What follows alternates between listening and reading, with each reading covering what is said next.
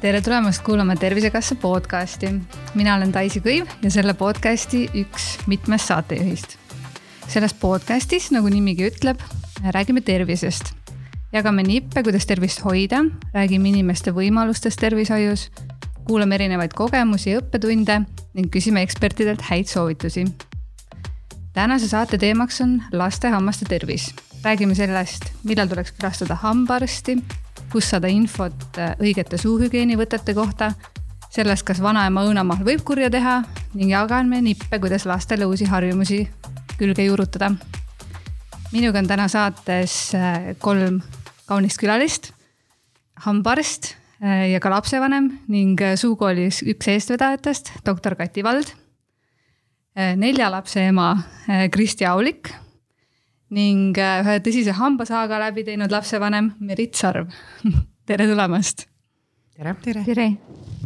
Äh, no nii, ma ei tea, et äh, äkki alustame üldse Kati sinust, et, et sul isikliku kogemuse mõttes ja ka tööalase kogemuse mõttes, et mis see seis meil täna on, kus me oleme laste hammastega?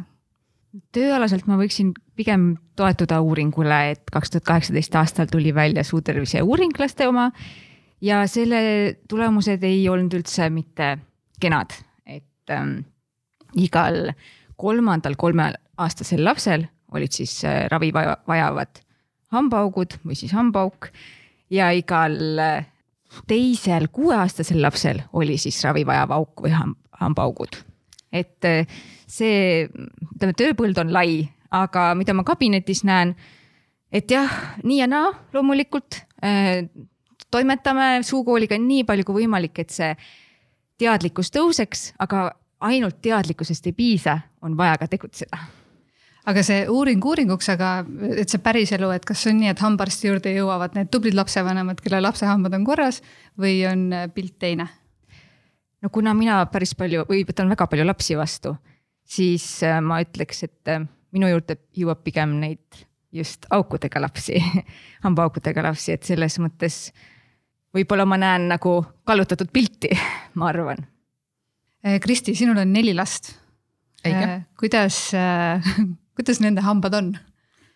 ma peaksin tunnistama, et ma arvan, Kati toetab mind, et need jagunevad vist pooleks täpselt, et kahel on väga head kogemused ja, ja, ja väga hea seis asjast.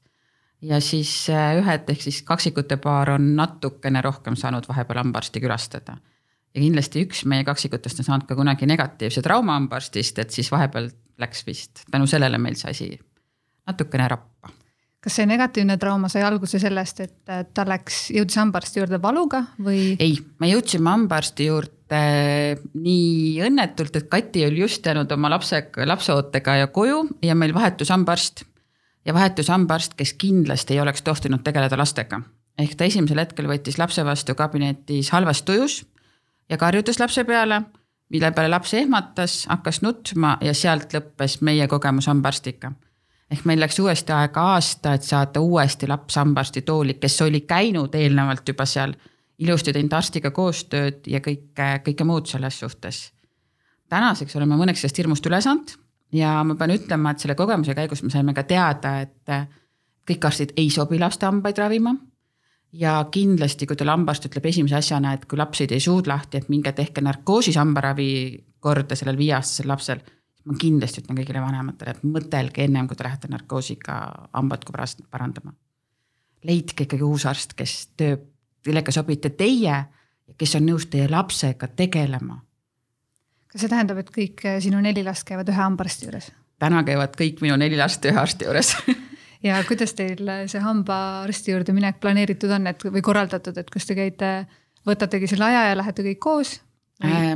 me natukene oleme, me oleme seda erinevalt teinud, jah, kaksikute tüdrukute puhul siis nendega puhul me käime koos, et nemad käivad koos ja nendega käib kaasas ka nende kõige väiksem õde siis, kes on tükk aega käinud kaasas, ta on näinud alguses, ehk tema esimesed kogemused hambaarstiga olidki, et ta vaatas ja siis ta läks tooli esimene kogemus ei olnud ka kõige kergemate küljest, et ta ei olnud nõus kohe oma suud avama ja toolis olema. aga õnneks tänu sellele, et Kati ise on nii rahulik sealjuures ja, ja ta kordagi ei heida vanemale ette seda, et te tulete hambaarsti juurde, laps ei ole nõus koostööd teiega tegema ja suudlast tegema, et kus teie kodutöö on jäänud. Ma järgmisel korral tuli ta ise hambaarsti juurde, ta tahtis minna hambaarsti juurde, täpselt paar nädalat oli vahet sellest. tahtis minna ja peale seda meil käib kodus võitlus, kes saab hambaarsti juurde. meil sõna otseses mõttes tänagi näide oli see, et ma ütlesin, ma tulen hambaarstiga kohtuma ja meil oli võitlus sellepärast, et kes saaks kaasa tulla. Nad arvasid, nad saavad hambaarsti juurde Nad on ja eriliselt toredad. ja siis kõige suurem laps, tema käib siis nagu natukene nihkes graafikust, et me oleme sunnitud vaatama, et ta saaks koolipäeva ära olla ja siis koolipäeva lõpus arsti juurde minna, nii et. sealt vist tulevad need, et kui lapsed küsida, kelleks tahad saada, siis ma kujutan ette, et nad tahavad hambaarstiks saada. ja sealt, sealt tuleb, et Kati on hästi palju seda kodutööd teinud ja nad on saanud ka ühe korra niuksed väiksed töövahendid kaasa oma kore, toreda armastuskäigu juures, nii et meil on plastiliiniga hambauke parandatud juba korralikult kõigil kodutöö on hästi tehtud Eh, Merit, mis on sinu lugu? minu lapsel tekkisid probleemid üheaastaselt. Ta ei olnud isegi mingit lisatoitu veel saanud, magusast rääkimata. et lihtsalt hakkasid hambad lagunema ja ka see esimene hambaarsti kogemus, mis noh, ei olnud kõige meeldivam ei minu ega lapse jaoks. ja sealt ilmselt hakkas ka see noh, usaldamatus, et noh, ja ma olin sihuke hästi looduse valikuga nagu, et tahtsin kõike võimalikult pehmelt ja loomulikult teha. ja see esimene kogemus oligi noh, kinnitas mulle veel, et ei, ma pean ise kõigega hakkama saama. teine kogemus samamoodi oli minu jaoks väga hirmutav. Kati oli ka just kodune, ma ei saanud Kati, Kati juurde ka minna. siis meil tekkiski hunnik probleeme tundub, et laste probleemides, hammaste probleemides on süüdi hambaarst aga, aga tegelikult see õpetab hästi palju eh, lastele ka seda, et noh, kõik inimesed ei peagi meile sobima, et lihtsalt ei olnud kõige toredam, emale ei sobinud, lapsele võib-olla ei. ja siis lihtsalt järgmine inimene, mõtle nagu, kui loogiline see tegelikult on. me ei pea sinna punnima jääma. ma arvan, et tegelikult täna on hästi oluline selle asja juures, et äh, hambaarstid peaksid, me peaksime nende hambaarsti nimestiku rägastikust peaks rohkem tooma ikkagi välja neid arste, kes sobivad lastega töötamiseks sest me ei saa eeldada tõesti, et kõik hambaarstid sobivad, sest iga laps on erinev. on hambaarstil halbu päevi, on seal lapsel halbu päevi. Ja ei tohi ka, kindlasti hambaarstid ei tohiks selle süüdistusega välja tulla, et kuidas tulid mulle tooli ja mu aja ära raiskad ja sa ei tee suud lahti minuga koostööd ei tee. see on kõige hullem, mis saab sellest üldse tulla. aga kust see tuleb üldse, et lapsed suud lahti ei tee, et äh, kas see eeltöö peaks olema siis kodus tehtud no ma võin enda lapse puhul nagu viimase lapse puhul näite öelda, et me olime ju eeltööd teinud, et ma olin, ta oli õdedega kaasas käinud, ta oli minuga hambaarsti juures kaasas, ta oli kõike näinud. ta lihtsalt see päev oli, et tal oli ka tuttav keskkond, tal ei olnud uus keskkond ja kõik muud. Ei olnud see päev, kus ta oli nõus tegema. täpselt oli meil kahte nädalat oli uus nagu lisaaega tema jaoks vaja tema peas. ta tuli kahe nädala pärast uuesti ja ta tuli hambaarsti juurde niimoodi, et ta jooksis mm -hmm. hambaarstid uksest sisse, ta läks, ütles hambaarstile ise tere ja ma arvan, et Kati sel hetkel nägi hetkel kohe, et meil ei ole ühtegi teemat, et me täna ei tehtaks suud lahti. aga me, noh, pidi olema minul seda julgust enda uhkust alla suruda, et ei tekiks seda tunnet, et ma tulin hambaarsti juurde, ma olen ka visiiditasu maksan, aga laps kulutas ära arsti aja. ja ka sinu aja, et sa võtsid selle aja minna täpselt. ja parkida ja siis äh, tead seal kabinetis Külla. olla ja siis noh, ka tunda seda pettumuse tunnet, et nad jälle ei saanud ja kunas me üldse saame, et seal tekib nii palju küsimärke pähe endale, enda ja sisse. täpselt, et see täpselt ongi see, et aga me olime kõik kodus teinud selleks, me olime rääkinud ennem seda, ennem ka seda esimest kohtumist, kui tema konkreetne aeg oli. ja lihtsalt see päev ei olnud selleks õige päev. Ja me ei teinud järgmine kahe nädala pärast, me ei teinud mitte midagi muud, aga lihtsalt ta tõusis hommikul selle teadmisega. noh, ma nägin, et see päev kõik toimib, ta, ta oli niimoodi valmis, ta nüüd ootas. ja ma ütlen nüüd sellest on möödas aasta. tõesti, ta on natuke nüüd neli pool ja, ja tal on tehtud ikka üht-teist, tal on hambaid puhastatud ilusti ja, ja ta, ta ainult ootab selleks hambaarsti juurde. et see süüdistamisele kulunud aeg hambaarsti toolis võiks olla siis pigem selline nõustamisele kulutatud aeg. ja ongi, täpselt see ongi see individuaalne nõustamise, individuaalse nõustamise aeg ja me, mis hästi-hästi olulised on need väiksed detailid on ju, et selle eh, ka me anname lapsele selle noh, ütleme mõtte, et tegelikult see oligi meie eesmärk täna, et meil ei ole see eesmärk see laps sinna tooli ja siis ära teha.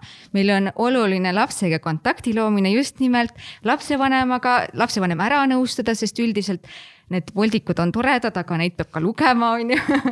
et, et et kui ma nagu päriselt räägin ja kui ma kuulan, mis nad seal kodus teevad, siis ma saan aru, mis asi on natuke kreenis ja me saame seda, ta saab vähemalt teadlikuks sellest ja tal on võimalus seda muuta et äh, sellised väiksed detailid, aga jah, ma olen nii palju näinud, kuidas see esimese visiidi mittesurumine, teise visiidi võib-olla ka mitte mittesurumine, vaid lihtsalt mängimine, nii et laps on, lapsel on hea olla ja ta tunneb, et äh, noh, ta põhimõtteliselt läheb koju, analüüsib, tegelikult oli okei okay ju.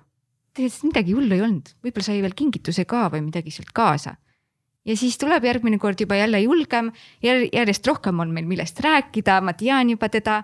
Ja siis on see lihtsalt nagu aja küsimus, ma lihtsalt teen selle, selle kabineti, selle olemise nagu seal põnevaks, et et ta nagu hakkab ka ise huvituma, huvituma nendest asjadest, nende oma hammastest ja nii edasi.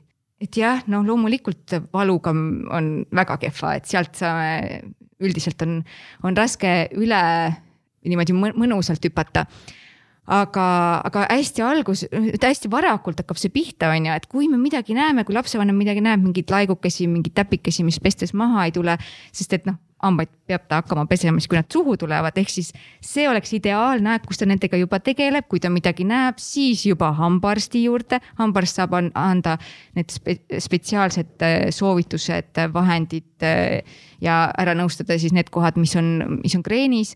Ja sealt edasi saab minna Eh, no niisugune mõnusad tavalised visiidid, kui need asjad on saanud, saadud kontrolli alla, siis on juba need, need, et ta on harjunud seal käima, ta on parajas vanuses, ta käib oma regulaarsetel visiitidel ja siis polegi mitte midagi. me saame kõik põhimõtteliselt ära hoida seal koostööga. aga siiski, Merit, sina ütlesid, et sinul tekkisid või lapsel tekkisid probleemid hammastega, kui ta oli aastane. noh, see on ka tegelikult see aeg, kui sa võiksid esimest korda hambaarsti külastada. kas sa tead juba, millest need probleemid tekkisid?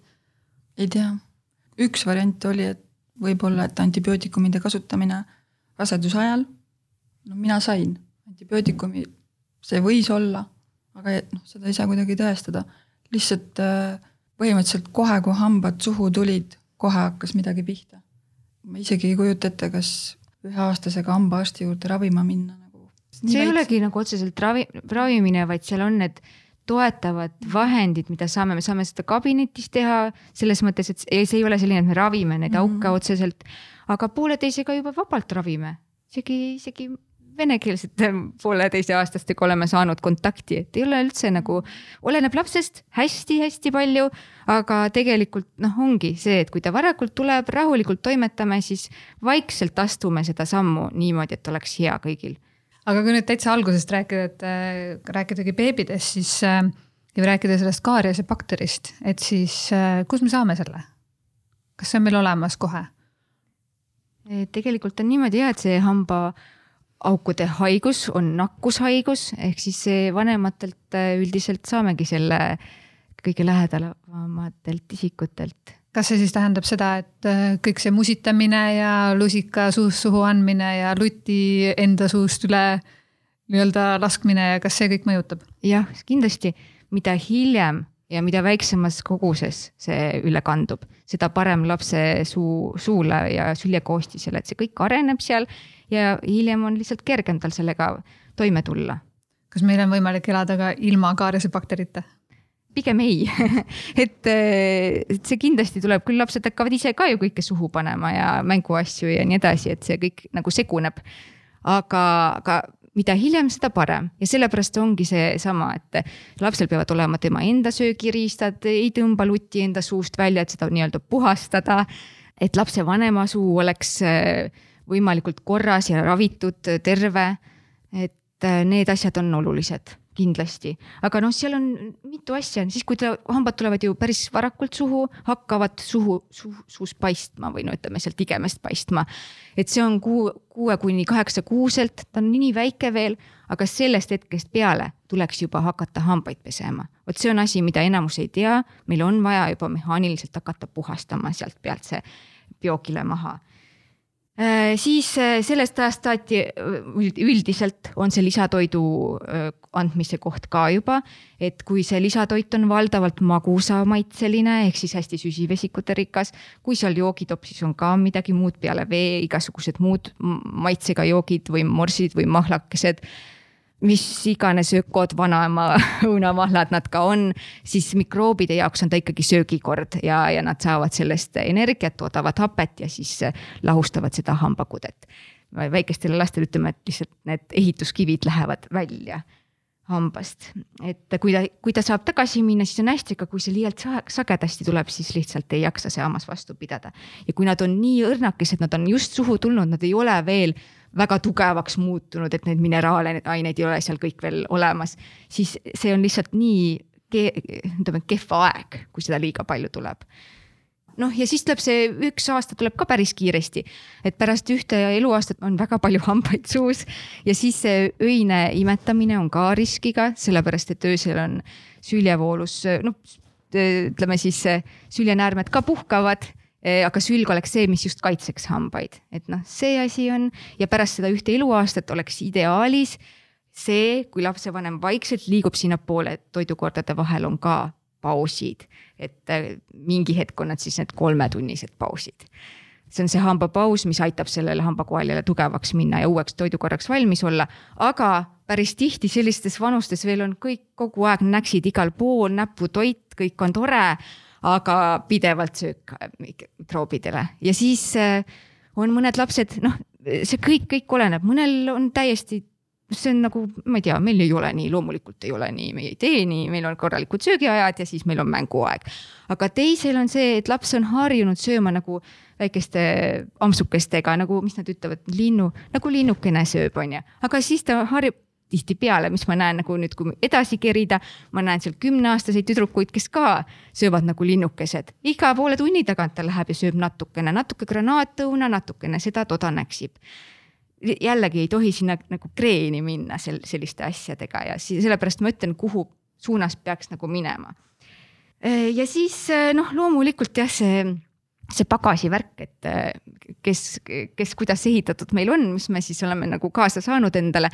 Et kui me võrdleme seda kehakaaluga, siis Äh, mõni lihtsalt peab palju rohkem trenni tegema selleks, et vormis püsida ja teine ei pea ja siis samamoodi ka hammastega, et nii kui hakkab see lagunemine pihta, me peame hakkama kohe toetama, kohe toimetama ja õigeid võtteid rakendama, see on väga lühikene aeg.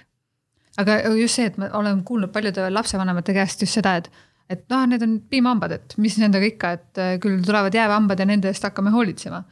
kuidas päriselt on, et see piimahammaste katkeolek mõjutab ju ka tegelikult jäävhammaste tulekut ja suuhügieeni tervikuna? ja loomulikult see mõjutab hambumust, kui liiga varakult äh, piimahambad eest ära tulevad, ära lagunevad ja siis ei ole jäävhambal head kohta, kuhu siis suhu tulla siis äh, nagu kuulsite, ema ütles, et äh, see oli äh, kurnav et äh, tegelikult tõesti see mõjutab nii palju, kui ikkagi on lagunenud, kui palju auke järjest hambad, hambad valutavad, järjest on mingi põletik all kuskil, laps ei saa magada hästi normaalselt.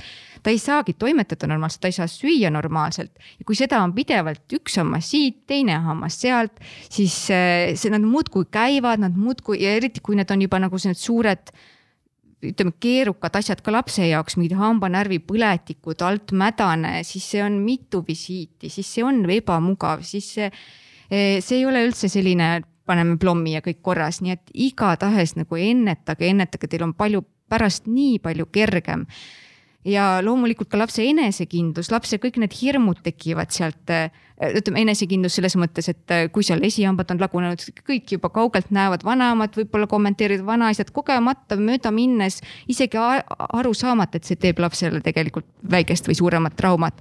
lasteaialapsed, teised ütlevad me, me isegi meie nagu sugukooliga kuuleme, kuidas nad ütlevad igasuguseid asju, ah sa jätsid hommikul hambad pesemata. kuule, sul on hambaaugud ju, miks sa siis pesnud? Et, et igatipidi see, see mõjutab. pluss siis see peresüsteemi mõttes ka, ma näen nii palju, kuidas nad näevad vaeva, kes see läheb selle lapsega, kes see saab temaga parema kontakti, kellega ta hakkab rohkem seda turvaelementi kasutama, noh näiteks, et laps ja ema tihtipeale on niimoodi, et, et saaks selle ema ruttu sealt kabinetist ära, siis laps kasvab suuremaks. no siis ongi teine variant, teine variant on, et isa ka on turvaelement ja siis lõpu, lõpuks vanaemaga toimib. aga kujutate ette, kui palju käimist edasi-tagasi ja jantimist ja mõtlemist ja energia raiskamist tegelikult ellujäämine kogu aeg nagu, kui on need nii, nii tugevad probleemid, siis ei jõuagi nagu kasvatusega tegeleda, siis yeah. on kogu aeg sihuke rõhk on ainult sellel, sellel murel nagu mis need mured äh, või kuidas need mured väljendusid? vallutas. noh, ongi söömise ajal läheb midagi sinna auku, mis ärritab. sihuke noh, pidev sihuke võitlus mul on endal näide enda laste puhul ju see, et mul on kaksikud lapsed, keda on ühtemoodi toidetud, joodetud, toimetatud, tehtud kõike. ja ühel on hambakaarias sees olnud rohkem, teisel tunduvalt vähem, et tegelikult on ikkagi mingi pärilik osa selles suhtes samuti sealt. Et ainult me vanematena nagu lõpmatuseni või noh mm -hmm., ei saa, et me teeme kõik enda poolt kõik hästi tubelt ära, aga ta on kaasa saanud mingi see osa. ja vot see oligi see pagas nii-öelda, mis ma ütlesin sama, sama nad sündisid samal hetkel ka. et, et noh, et iga kord ei saa ainult öelda, et vanemad, et jätsite midagi tegemata kuskilt ongi, aga lihtsalt ongi see, et mõnega peame rohkem tegutsema ja. kui teisega, see on ka okei okay., aga noh, ongi, me saa nagu, kui me paneme selle täiskäigul selle tegutsemise peale, siis me saame põhimõtteliselt selle, et raske, raske õppustel ja kerge lahingus, et loome vundamendi hea õigel ajal toimetame need aukesed, mis on tekkinud kiirelt ära, toetame neid koduste harjumustega, siis on jumala hästi ma olen, ma olen täiesti nõus, et kõike saab seda kodus teha pärast ja toetada igatpidi, et noh, ma ütlen, see tänane meie hambaharja rivi, mis seal kraanikausi peal on, peaasi, et te pesete. kui on täna rohelist hambaharja vaja, peseme täna rohelisega. kui on vaja homme roosat, palun võta roosa. samamoodi hambapastaka, kui poes on see, et hambapastas vähemalt on nõutavad ühikud olemas, mis on nagu seda fluori vaja nendel on, vahet ei ole, kas ta on karupildika või jänesepildika, peaasi, et sa pesed tõesti meie, minu suhtumine on olnud siiamaani laste hambapesusse selline ja see on, tundub, et on toiminud. see on ülioluline, milline see välja näeb. absoluutselt, meil oli see täiesti magic, kui poes oli üks punane hambahari ja see, ma ei tea, see oli nagu eluleid lapse jaoks, on, see on nii lemmik lihtsalt, et ja et vanemad üks ütleks sealt kõrvalt, et ma olen küll kuulnud nagu ka poes seda, et ütlesid, et ärme seda hambaharja vali, et see on nagu halva firma oma või midagi. kui ta mul peseb selle hambaharja tulemusena need hambad ja läheb, teeb seda lõbusalt ja tal on silm särab. jumala eest, palun. jah, tema peseb ja ta laseb Täpselt. ka lapsevanemal üle pesta siis kuni kooli minekuni. ja, ja lasebki ja ta tuleb täiesti ilusti, noh, minu mm. -hmm. väiksem täna ütleb ilusti, et palun tule pese minuga õhtul koos hambad. ta teeb enda osa esimese ära, valis oma hambaharja, valis oma hambapasta selleks päevaks ja mina, mina lõpetan seda otsa siis sealt kas niimoodi nelja lapse peale need hambaharjad sassi ei lähe?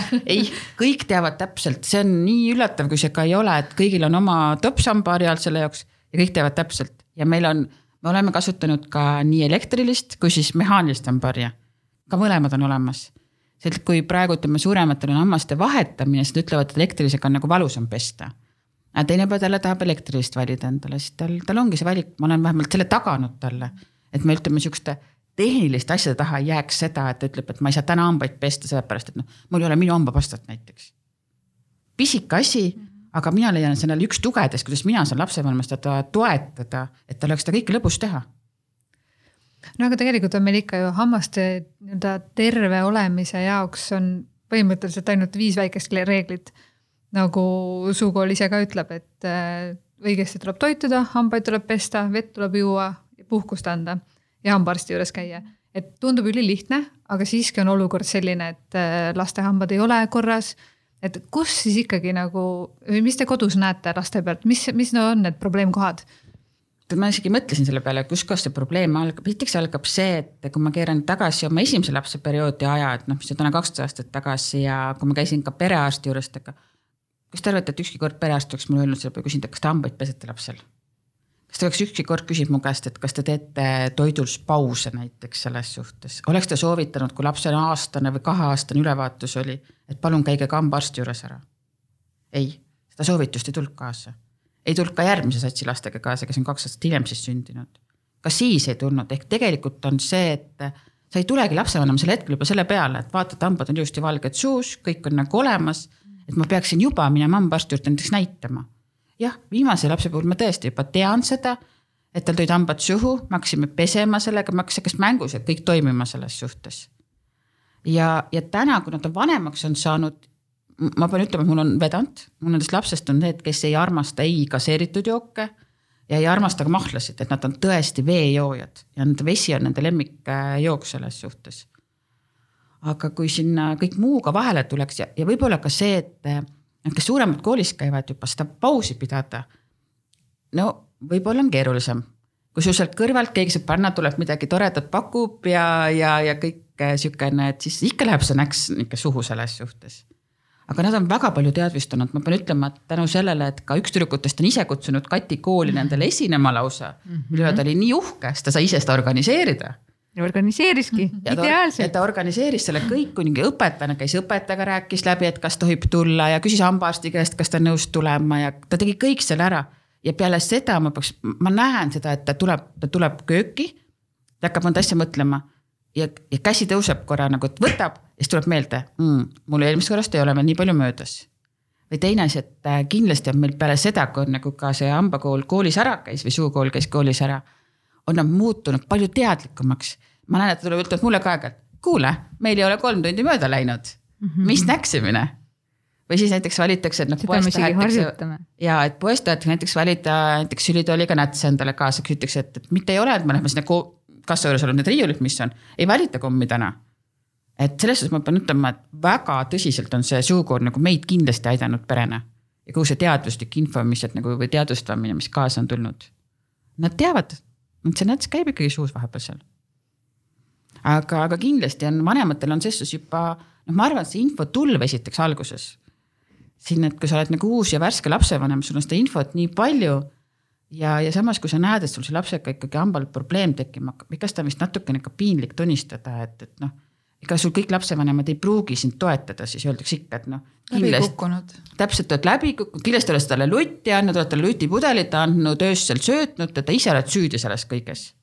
et see on nagu hästi ka raske aga ka see, et äh, lapsevanemad, kui nad näiteks endal ei ole harjumust hambaarsti juures käia, siis ilmselt ei kandu see ka edasi lastele et ka see ilmselt mängib eks see on kõik, eks see on kõik asjad tervikuna kokku, et mm, -hmm. et mhm. noh, seal on ju see lapse kasvatamine on palju etappe sul selles suhtes, et noh, enda harjumusi sa toodki kaasa. kes on, kes on harjunud seal kogu aeg sööma tõenäoliselt ja magusat ja mitte hambaid pesema, et noh. ja, ja mina olen tulnud veel sellest põlvkonnast võib-olla, kellel olid ka koolis hambaarstid olemas. oi kui jubedad päevad need olid, kus hambaarsti juurde kutsuti, sa tegid kõik endast oleneva, et sind sel päeval koolis ei ole et sul, et sul ei läheks sinna hambaarsti juurde, sest see kogemus oli nii ebameeldiv. ja see, ja see, ma arvan, et on täna vanemaid, kellega see käib siiamaani kaasas. Kes ei taha oma lapsele sama ja arvavadki, et see on tänapäeval sama. ja no teine asi on see hirmutamine, et me kuuleme hästi palju seda, et oh, kui sa nii palju kommi sööd, et siis lähed hambaarsti juurde, nagu see hambaarst oleks hästi kuri tegelane. täpselt, ei no täiesti mõttetu tegevus aga mind on ka tõstetud hambaarsti kabinetist välja väiksena, tõsteti sinna su suure see polikliiniku ukse taha. seda last me ei ravi. ja siis ema pidi ära noppima selle lapse et võib-olla mul ka nagu sealt mingi alateadlikku, ütleme, alateadvus tõukas seda valikut tegema, et ma nüüd siis tegelen selle teemaga. trauma viis hoopis elukutseni. jah võib-olla nii võib öelda, aga mis ma tahtsin vahele rääkida, võib-olla nad mõtlevad, näevad mingeid laigukesi, täpikesi, midagi seal laguneb, aga ei taha sellega tegeleda, et lükkad nagu vaiba alla, et laps on nii väike veel, kus ma lähen, mis see hambaarst seal hakkab tegema, kuidas ta selle toimetab seal, mis kontakti, mis ravimine seal saab olla, on ju. ja siis näiteks ka, kui lapsed on rahutumad, võib-olla ei tahagi nagu kontakti, aga ongi juba suuremad, kolme-neljased. noh, ei ole sellised kõige mõnusamad nagu suhtlejad, tegelased et siis ka ma näen, et pigem nagu välditakse seda hambaarsti teemat ja jõutakse viieaastasega, kellel on mitu kahe hamba vahelist jumala keeruliselt ravitavat, noh, ütleme siis nagu palju ebamugavamat auku kui sellise hammustamise pinnaaugud, kus peab ikka ehitama ja vormi panema ja, ja toimetama. et, et ja siis, siis nad jõuavad, siis on juba oht seal hambanärvi põletikuks ja muudeks asjadeks ja valutamiseks. ja siis on tegelikult juba kiire ja vot see on hästi kehva koht siis ja neil ei ole seda head koostööd igatahes. no see on ka ilmselt see koht, kus siis soovitatakse ka narkoosis hambaravi, et. Äh, see on teine koht jah, üks on see nüüd väike, ütleme imiku ea lõpp, väike lapse ea algus on ju äh, see koht, et siis teine on siis see viiene, nelja-viiene, kellel on tugev arvamus ja ei ja. Merit, kuidas sinuga on, kas või kust sina oled selle info saanud äh, just suutervise alase käitumise osas, kuidas õigesti teha? Põhiliselt uurisin ikkagi ise. mina üritasin näiteks oma olukorda lahendada toitumisega, ma sukeldusin sinna toitumise maailma. ma tegelikult tellisingi äh, Ameerikast raamatu lausa, kuidas toitumisega näiteks hambaid, hambaauke nagu kas tugevdada või lausa tervendada. siis ma nagu langesin nii suurde äärmusesse sellega, et ma võimalikult naturaalseid toite siis äh, üritasin lapsele pakkuda, mis nagu tugevdaksid äh, tema tervist. et ma proovisin niimoodi peatada seda. noh, sest ma üritasin kõike nagu ise teha. et mul oligi see usaldamatus tõenäoliselt äh, nii suur, et äh, võtsin selle koorma kõik üksi enda kanda, et ma pean ise selle lahendama, et noh, mina emana olen nagu süüdi mingis mõttes. ja toitumine võib-olla on see viis siis, kuidas ma saaks seda lahendada aga siis äh, tõenäoliselt läks ka seda noh, toitu sai liiga palju tõenäoliselt ikkagi see näksimine ja pidevalt see nagu tahta, et ta sööks hästi tervislikult. aga see läks nii äärmusesse nagu, et mhm. pidevalt nagu ta saaks seda head, head, head. et äh, noh, ma olingi üksi sellega nagu. aga mis see tulemus oli sellel, mis juhtus? Noh, me hambaaukudega ei juhtunud midagi, et see ainult süvenes tegelikult see probleem, et. et võib-olla tervise mõttes see mõjus hästi, aga et ta tervis nagu tugevnes, aga hammastele see nagu niimoodi küll ei mõjunud. aga kus sa täna oled omas seisus? täna, sellest võib Kati rääkida praegu on kõik hästi, nüüd ta Merit naudib ja mm -hmm. võis ka. selles mõttes see vastutuse jagamine tõesti emana üksi on nagu seda kanda oli nii raske et kui leiaks sellise hambaarsti nagu Kati, kõik emad, siis äh, pärast seda saadet on äh, Kati, Kati järjekord ukse taga. see ei ole üldse reklaamsaade ma kinnitan. mina olen nii õnnelik selle üle ikkagi. mina kindlasti toetan sama asja, et noh, ma ütlen, meil on tegelikult olnud erinevaid hambaarsti kogemusi samas kliinikus, kus Kati ka ennem tööl oli. saime sinna kahe, kolme erineva hambaarsti juures käisime ära ja sealt võiks ka öelda, et üks oli selline arst, keda ma emana võin öelda, et ta sobib lastega töötamiseks. tal oli kannatust, tal oli tahet ja tal võib-olla ka temaga oli täpselt sama asi see, et ta ei olnud tööga ülekoormatud, ta oli, ta käis üks-kaks päeva nädalas. ja tal ei olnud seda mahvi või nagu seda kogu aeg seda teadmist peal, et, et kui aeg läheb isegi natukene üles, võib-olla sa pead selle lapsega rohkem rääkima alguses. et sa saad ta sellest hirmuhetkest üle, et ta nõus sinna tooli minema ja siis nagu koostööd tegema ja ja puurimist taluma ja nende vormide panemist ja kõike muud asju selles suhtes. et tal ei olnud pinget, et kui nüüd läks natuke üle, et mul on juba järgmine ukse taga ja keegi tuleb ja koputab kohe selles suhtes. aga võib-olla siis ongi see, et, et sama hambas, kes peab tegema seda viis päeva järjest ja, ja, ja ainult kogu aeg kellaajaliselt. ta, ta elab nagu kogu enda selle jama või, või nagu need töömured elab sellesama õnnetu lapse peale välja. ja, ja vot siis see ei toimi jälle et, et see, et leida hambaarst ja, ja kust saada seda infot ja kus need, kus need laste hambaarste üldse on. vaata selle koha peal jäin mina küll jänni. ma jäin, ma otsisin, sa, sõber Google on see, kus sa paned otsingusse ja sa hakkadki otsima nagu laste hambaarst, ma otsingu sõna tõenäoliselt, suure tõenäosusega panin ka mina selle sisse. ja ega mul väga palju vastuseid sealt ei tulnud sealt tuli meeletumas koguses tuleb hambakliinikuid sul selles suhtes ja sa pead hakkama jälle lahti lappama, et kas ta tegeleb lastega siis või ei tegele. siis tuleb siis tore kena hambaarsti pilt tuleb sulle sealt kodulehe pealt, hambakliiniku kodulehe pealt ette. seal on kirjas, teeb kõike muud ja viimasena on siis ka märgitud juurde, tegeleb ka lastega minus kui vanemas nagu ei tekitanud väga usaldust, et ta teeb nagu kõike muid asju ka ja siis viimase nimega on see pandud, et tegeleb nagu lastega et võib-olla siin ma ütleksin äh, just nagu vaadates äh, tänase popkasti korraldaja poole peale ka, et võib-olla tuleks seda infot nagu ikkagi panna konkreetselt, tuua ka välja nendele kuskile, kas siis tõesti haigekassa lehtede peale või ikka või ka anda rohkem ka perearstile infot. et anda või leida üles need hambaarstid, kes ikkagi on spetsialiseerunud rohkem lastele siin ma saan kohe reklaami teha, et meie kodulehel on tegelikult olemas kõik see äh, laste hambaravilepingu partnerid, nii et kõik, kes tegelevad lastega, on olemas, aga siin on mhm. näiteks Vihje suukooli lehel, et miks mitte reastada ka sinna need äh, kontaktid sellisena üles ja võib-olla ka koguda lapsevanemate kogemusi meil on viide Haigekassa lehele aga see ongi selle sama asja. aga mina küsin, kas Haigekassa lehel on teil viide konkreetse arsti nimele või järjekordselt sellele hambakliinikule? no kliinikule, aga noh, sinna sa ju helistadki, sa ju ei helista konkreetsele arstile, vaid sa helistadki kliinikule ja pane, kliinikusse ja paned lapsele aja. mis siis, oled, või seda kogemust teil ei ole, minul on see kogemus, helistad hambaarsti kliinikusse, et mul on laps mul oleks vaja hambaarsti aega, mis siis öeldakse selle peale? meil tegelevad kõik hambaarstid lastega. ja siis minule pannakse ikkagi minule kui vanemale see, et mina pean ütlema siis, et noh, milline see arsti nimest, keda ma ei tunne sel hetkel mitte midagi absoluutselt, et millise arsti juurde aega. mina näiteks seda ei ole küll kogenud oma, oma puhul nelja lapse näite puhul, et mul oleks registratuurist öeldud, jaa, just see arst on see, kes tegeleb meil lastega. isegi kui ma olen helistanud nagu, siis kui noh, mingi mure olnud, et on kas loksuv hammas või ma näen, et oleks vaja nagu ära võtta.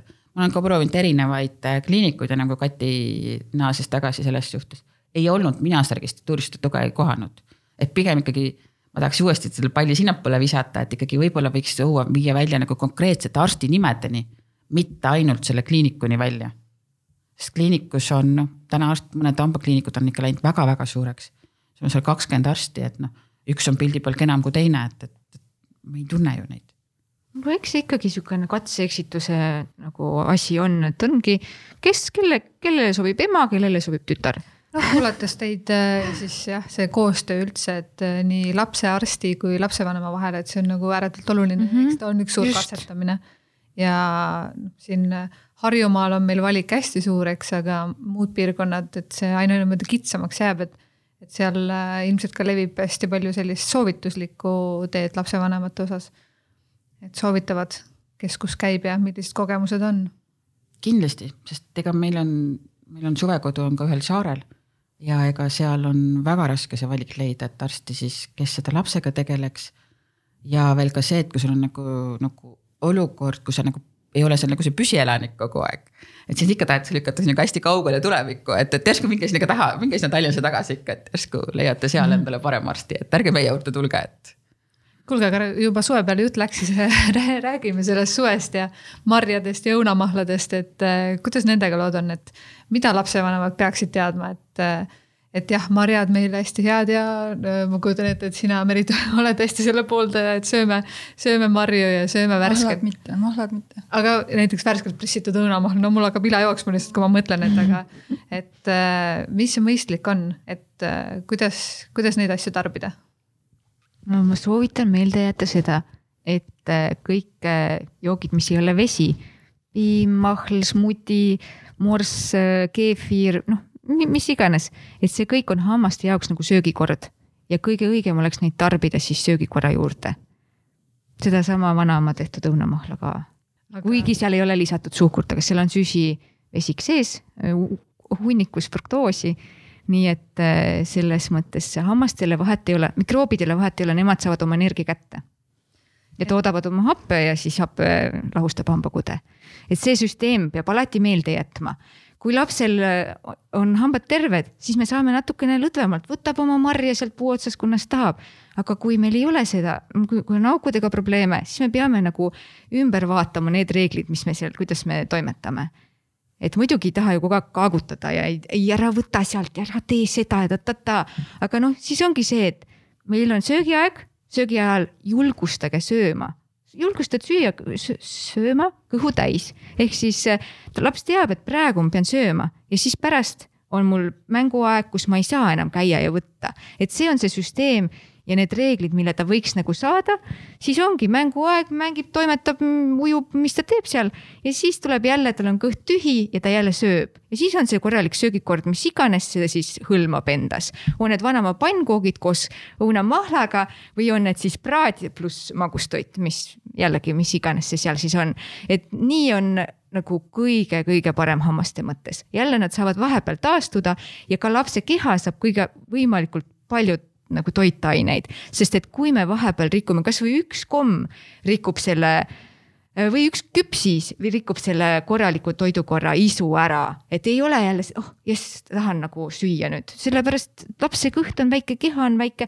mul endalgi rikub see üks komm selle korraliku isu ära, rääkimata siis väiksest inimesest ja mõnelgi lapsevanemal on see privileeg saata oma laps näiteks kolmeks kuuks maale ära.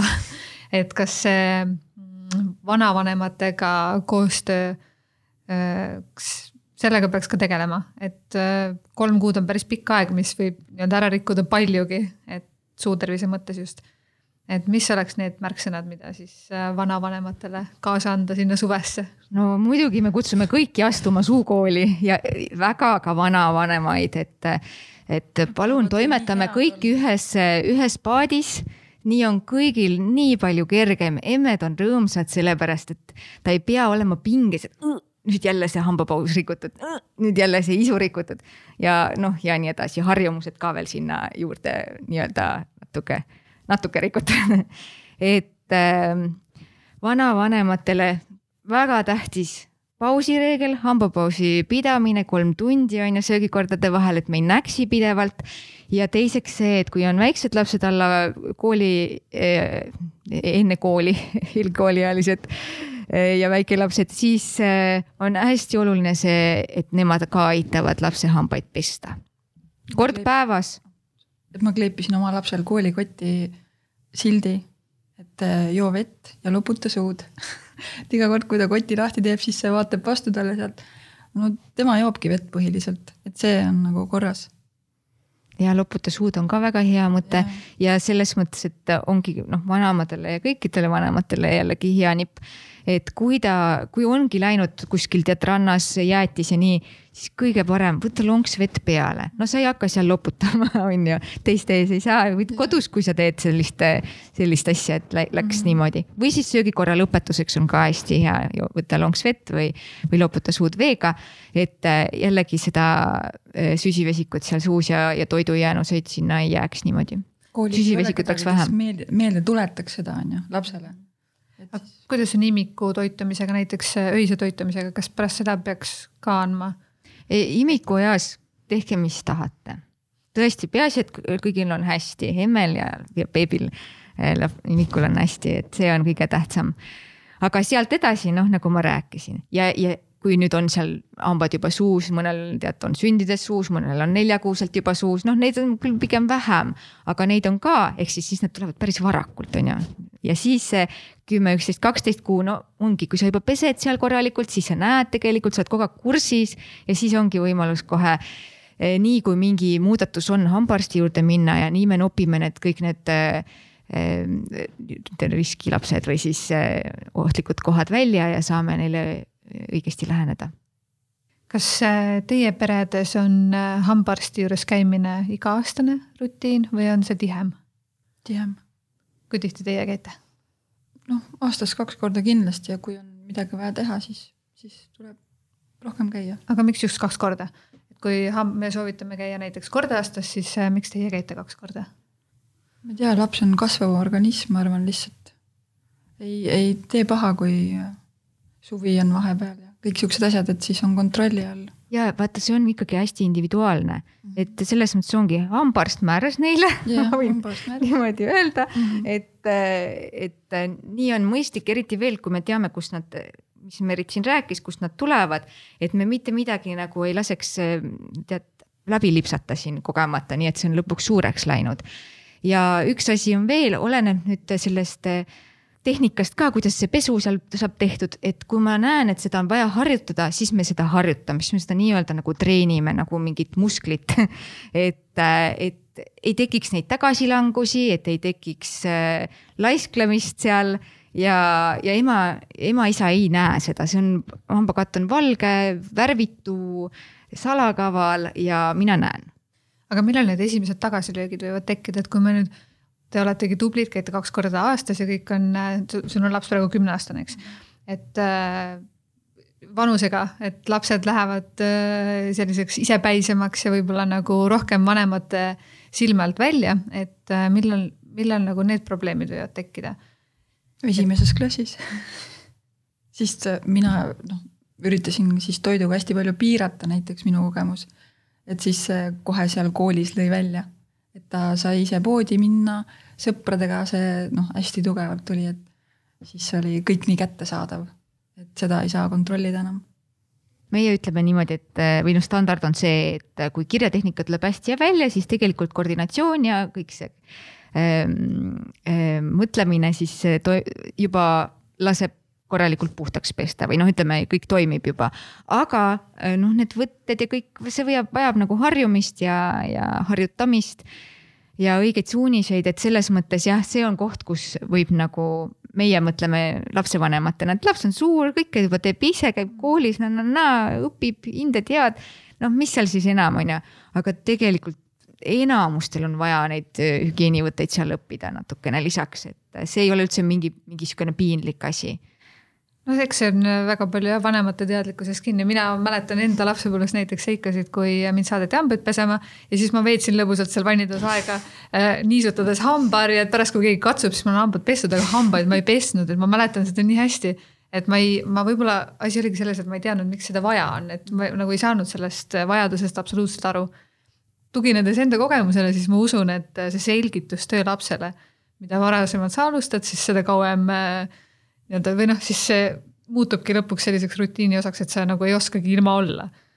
ja ideaalis ta võiks ise tunda, et ah, tõesti paha tunne on, halb maitse, halb äh, äh lõhn suust, midagi sellist võiks ta nagu tabada või siis see kiht hammaste peal, mida ta keelega üle libistas, libistades võib tunda.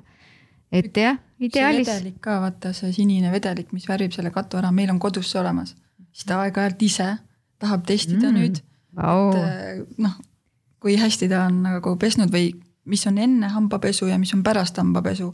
et see on ka päris hea sihuke nipp. ja see on väga hea nipp ja neid asju ma tegelikult lihtsalt ongi hambaarst ütleb, et nii nüüd tehke seda, aga näed. on mõni, kes ka tahab sinised... ise lihtsalt proovida, et kas mul tuleb hästi välja. sinised hambad on ikka äge, noh korraks need sinised on väga tore. meil on jälle see kogemus, et, et kui hambaarst on teinud ka ühe korra märkuse, et on mõni hammas natuke halvasti pestud, see on väga hea motivaator et järgmine kord olla mhm. hambaarsti juures tagasi ja et saada see nagu positiivne tagasiside, et sul on uuesti hästi läinud, oled ree peale saanud ja Kiit. meie lastele mõjub see kiitus nagu täiesti, toimub ilma selleta mm. ja kui see oli küsimus, et mitu korda, meie pere käib ka kaks korda aastas, siis ma tegelikult ütlen, et väikelaste hammaste puhul mulle tundub, et see aasta on nii pikk periood, et kui hakkab tekkima mingi asi ja kui ma ei reageeri selle nagu algusajal, siis me võib-olla aasta pärast, kui jõuame arsti juurde, on juba väga kaugele asi läinud. et meil käib ka iga, kõik lapsed teavad, et vähemalt poole aasta tagant on nendel aeg, nad juba küsivad, nad oskavad juba enam-vähem vaadata, et noh, kuidagi nagu väga kaua ei ole saanud hambaarstitoolis minna, mm. et kas meil juba on uus aeg. aga rääkideski nendest uutest aegadest, et me kuuleme hästi palju seda, et hambaarstile on järjekorrad hästi pikad ja ma pean hästi kaua ootama, et kuidas teie teete, et kas te panete kohe peale oma visiiti uue aja või siis äh, te niimoodi ajastate? kohe peale visiiti, jah. meie paneme ka kohe peale visiiti, paneme järgmised ajad. et ei ole seda ootamist?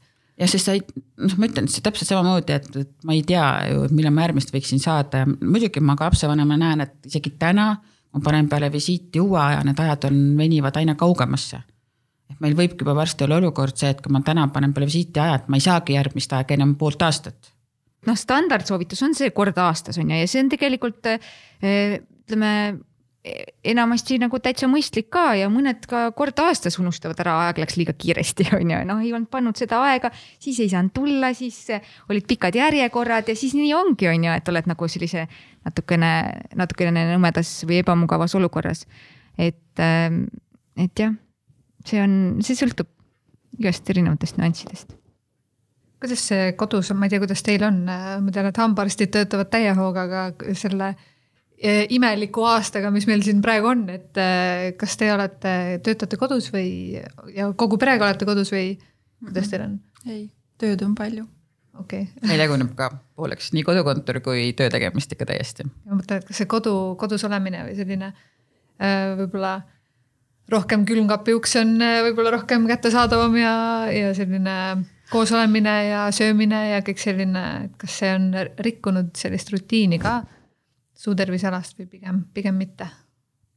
tahaks loota, et ei ole, sest meil see kevadine kogemus on küll, et kus me olime kõik ikkagi esimese korraga, kui kinni oli, olime rohkem kodus selles suhtes, et äh, vastupidi, minu meelest sai nagu palju rohkem korrektsemalt söödud et siis oli mm. nagu kellaajas, et tegid nagu kogu perele tegid selles mõttes ära ja võtsid nagu, sõid ära sest muidu, kui oled tööl ikka, see laps tuleb ju koolist koju, et noh, ikka ta tahab sealt külmetusest nagu võtta midagi ja siis tuleb õhtusöök ja, ja siis võib-olla tuleb veel midagi ja. aga kuidagi seekord läks minu meelest päris hästi, et ei olnud nihukest, et oleks peale seda kodus olemist ja seda olnud nagu suuremaid probleeme. kuidagi hammastepesu oli siis ka nagu kuidagi väga lihtsalt tuli see, ma ei tea, võib-olla tõesti on lapsed nagu nii palju subliks ja suureks saanud juba, et et ei ole enam nagu seda, et see on nagu see emade probleem, et, et need on emahambad, mida sa seal pesemas pead käima kogu aeg.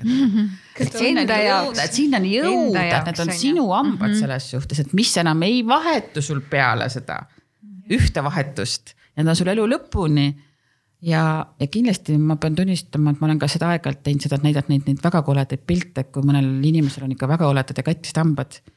ja me oleme rääkinud sel teemal, kumb see nagu ilusam pilt on, et kas see on ilusate, ilus naeratus nägu ja terved hambad või, või siis see kondid hambad ja, ja siis tundub, et, et natuke paneb mõtlema. ja kui palju visiite saaks ära hoida tulevikus mm. -hmm. jah täpselt. minule kunagi üks hambaarst ütles, et, äh, et vaata, kui palju kõrvaringeid sa saaksid endale selle raha eest osta mm. -hmm. kui sa jääksid, jätaksid nii-öelda need äh, ravikulud nii-öelda äh, noh, käituksid nii-öelda paremini suutervise mõttes ja see on mul siiamaani meeles kogu aeg ja kõrvaringud mulle väga meeldivad, nii et sai õige asja, millega sind just. motiveerida just nimelt ei no minu arust hambad on nagu hea asi, millega õpetada seda, mis õpetab meile nagu iseenda eest eh, hoolitsemist või eh, enda jah, enda hoidmist, et see on nagu alguses tuleb nagu ah, nii palju peale, aga siis tasakesi nad õpivad ja õpivad ja ongi see hambapesu mingi hetk ei ole emme jaoks ja issi jaoks, vaid okei okay,, enda jaoks hea küll siis ja tasake ja samamoodi need visiitidel käimine, et noh, ei ole mingisugune emme-nõme tegevus, mille ta siin tead, pani mu niimoodi nagu tanki, et nüüd pead tegema seda asja, on ju. et ei, see võiks olla tõesti sama normaalne kui äh, juuksuris käimine, kui auto käib seal ülevaatusel garaažis, siis samamoodi hambad käivad äh, hambaarsti juures nojah, nagu ma nüüd varastan kellegi tsitaadi, aga äkki see oli Marek Vink, kes kunagi ütles ka, et, et suu on ju värav meie tervisesse, nii et. Äh, jah, kõigi haiguste värav või, või vastupidi, tervise värav, jaa muidugi tegelikult me räägime siin, et see on hästi oluline, me peseme kõik muud, aga samas ütles, samas see pagas tuleb kaasa, et noh, me ei saa ära unustada, et mõni laps olenemata sellest, mida ta kõike teeb. siin on ju samamoodi näide teisest lapsevanemast, kes on tegi endast kõik olenevalt, et lihtsalt need hambad ongi katki, et, et noh, me peame jõudma ka nende lasteni, et neid ühel hetkel ikkagi toetada.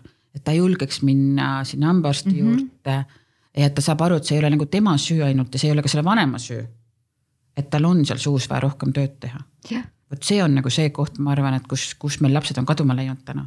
just, aga Sest ma lohutan ikkagi, et pärast on kergem. kogu aeg, kõik need ju naeratavad pärlid ju ainult kõigil suus ja siledad rivid ja kõik muud. noh, täna reaalsus ei ole täna ju täpselt see. vot see on see koht, mis ühel hetkel selle lapse nagu enesehinnangut võib hakata väga mõjutama ja, ja võib-olla niisugusest natukene hellas eas võib olla ka see, et ta ei julge enam hambaarsti juurde minna, kui tal ei ole sellist valget säravat suud ette näidata jah, ega see käib endagi kaasas, isegi vahepeal mõtled, kui pead minema, siis mõtled, et oh issand, ei julge oma suud lahti teha, ei tea, mis seal toimunud on selle aastaga, eks. aga kuna meil on aeg piiratud, siis äh, võtaks selle äh, saate nüüd äh, niimoodi kokku, et mis need märksõnad on, mulle endale jäi hästi kõlama just see, et, et inimesed võib-olla võiksid ära kaotada selle häbitunde või selle süütunde. et kui lastel ongi mingid probleemid, et siis see ei ole nende süü või isegi kui jah, nende käitumine on seda kuidagimoodi mõjutanud, siis seda kõike annab parandada. et, äh, et õigel ajal tuleb külastada hambaarsti ja, ja, ja hoida siis seda suutervist, on see siis toitumisega, õige käitumisega, et äh, nagu tahaks seda, just seda häbitunnet või seda nagu kuidagi maha suruda inimestele. et ei pea üksi vastutama tegelikult selle eest ema, noh emad tegelevad sellega pida-, põhiliselt. minu arust see vastutuse jagamine just, et see koorem ei peaks emal üksi olema, et see usaldus ja leia oma õige koht on ju mm -hmm., tee ots lahti, hakka uurima, mis teil, kuidas teie kõige paremini, mis on vaja veidikene muuta, äkki need on nii kerged muudatused. ja siis neid edasi ajada ja siis mingi hetk hakkavad tasakesi ka tulemused tulema ja siis ongi lihtsalt nopid neid vilju ja, ja naudid. ja ma olen, ma olen kindlasti nõus, et, et julge tunnistada, kui sul see probleem on, et sa ei, sa ei ole üksinda selles hetkel sellest, et ja, ja me saame selle lapse kaasa nende hammastega nagu saame. me ei pruugi mitte midagi valesti teha. me peame leidma selle õige inimese, kes on nõus sind aitama. ja kui ei sobinud üks hambaarst, te ei saanud koostööd, ei saanud, ei sobinud ka teine, siis ärge heitke nagu, ärge andke alla. järsku see kolmas on see õige, kes sobib, sobib just teie lapsele. ta peab sobima, et noh, hambaarstiga, seal peab tekkima usalduslik koostöö. muidu ei tule sellest mitte midagi head ja, ja mina ikka suunan sinna Suukooli lehele ja meie Facebooki ja Youtube'i, et vaadake, süvenege, näidake ka lastele neid väikseid multikaid ja, ja klipikesi, et. Suukooli laulu. jah, hambapesulaulu muidugi, et kuigi, kui, kui mõni veel ei tea et siis äh, need, need asjad nagu on abiks ja aitavad nagu paremini sellest suhteliselt, no ma tahaks isegi võrrelda seda mingi raketiteadusega. et see on nii, sellel on nii palju tahke, nagu me siingi praegu nii palju rääkisime, on ju. et äh, sa, see aitab natuke paremini sellest aru saada, et miks on vaja hambaid pesta, sellepärast et seal on, mikroobid on paljunenud, neid on hunnikus seal hambapinnal on ju. ja see paksus hambakatus on happerünnak pikk ja tugev kui happer nagu pikk ja tugev, siis mineraalained lähevad välja ja siis, kui me veel näksime sinna peale, uus pikk ja tugev happerünnak. jälle uus näks, noh, see on lihtsalt kordub, kordub, see on lihtsalt loogiline, et see sealt alt ära laguneb. ongi, tõid siin jälle ühe näite, mis, mida on vaja nagu endale see süsteem selgeks saada ja siis pärast on juba see toimu-, toimetamine nagu selle õige, õige toimetamine juba palju kergem, loomulikum ühesõnaga, võtame tänase saate kokku märksõnaga teeme koostööd ja ärgem kartkem hambaarsti ja otsigem infot. ja kõige parem koht selleks äh, laste hammaste tervise alal on www.suukool.ee, nii et äh, ja kui meie kuulajatel on küsimusi, äh, siis võib küsida neid Haigekassa Facebooki lehelt. suukooli Facebooki lehelt Suukooli ka Facebooki küsitakse lehelt. väga palju. just. meil on selline individuaalne nõustamine praktiliselt seal ja, ka. et ärge kartke ja, ja küsige. aga äh, aitäh äh,, Merit, Kristi ja Kati selle põneva tunnikese eest ja ma loodan, et meie kuulajatel oli ka tänasest saatest natukenegi kasu. olge terved ja uute kuulamisteni. kõike head. aitäh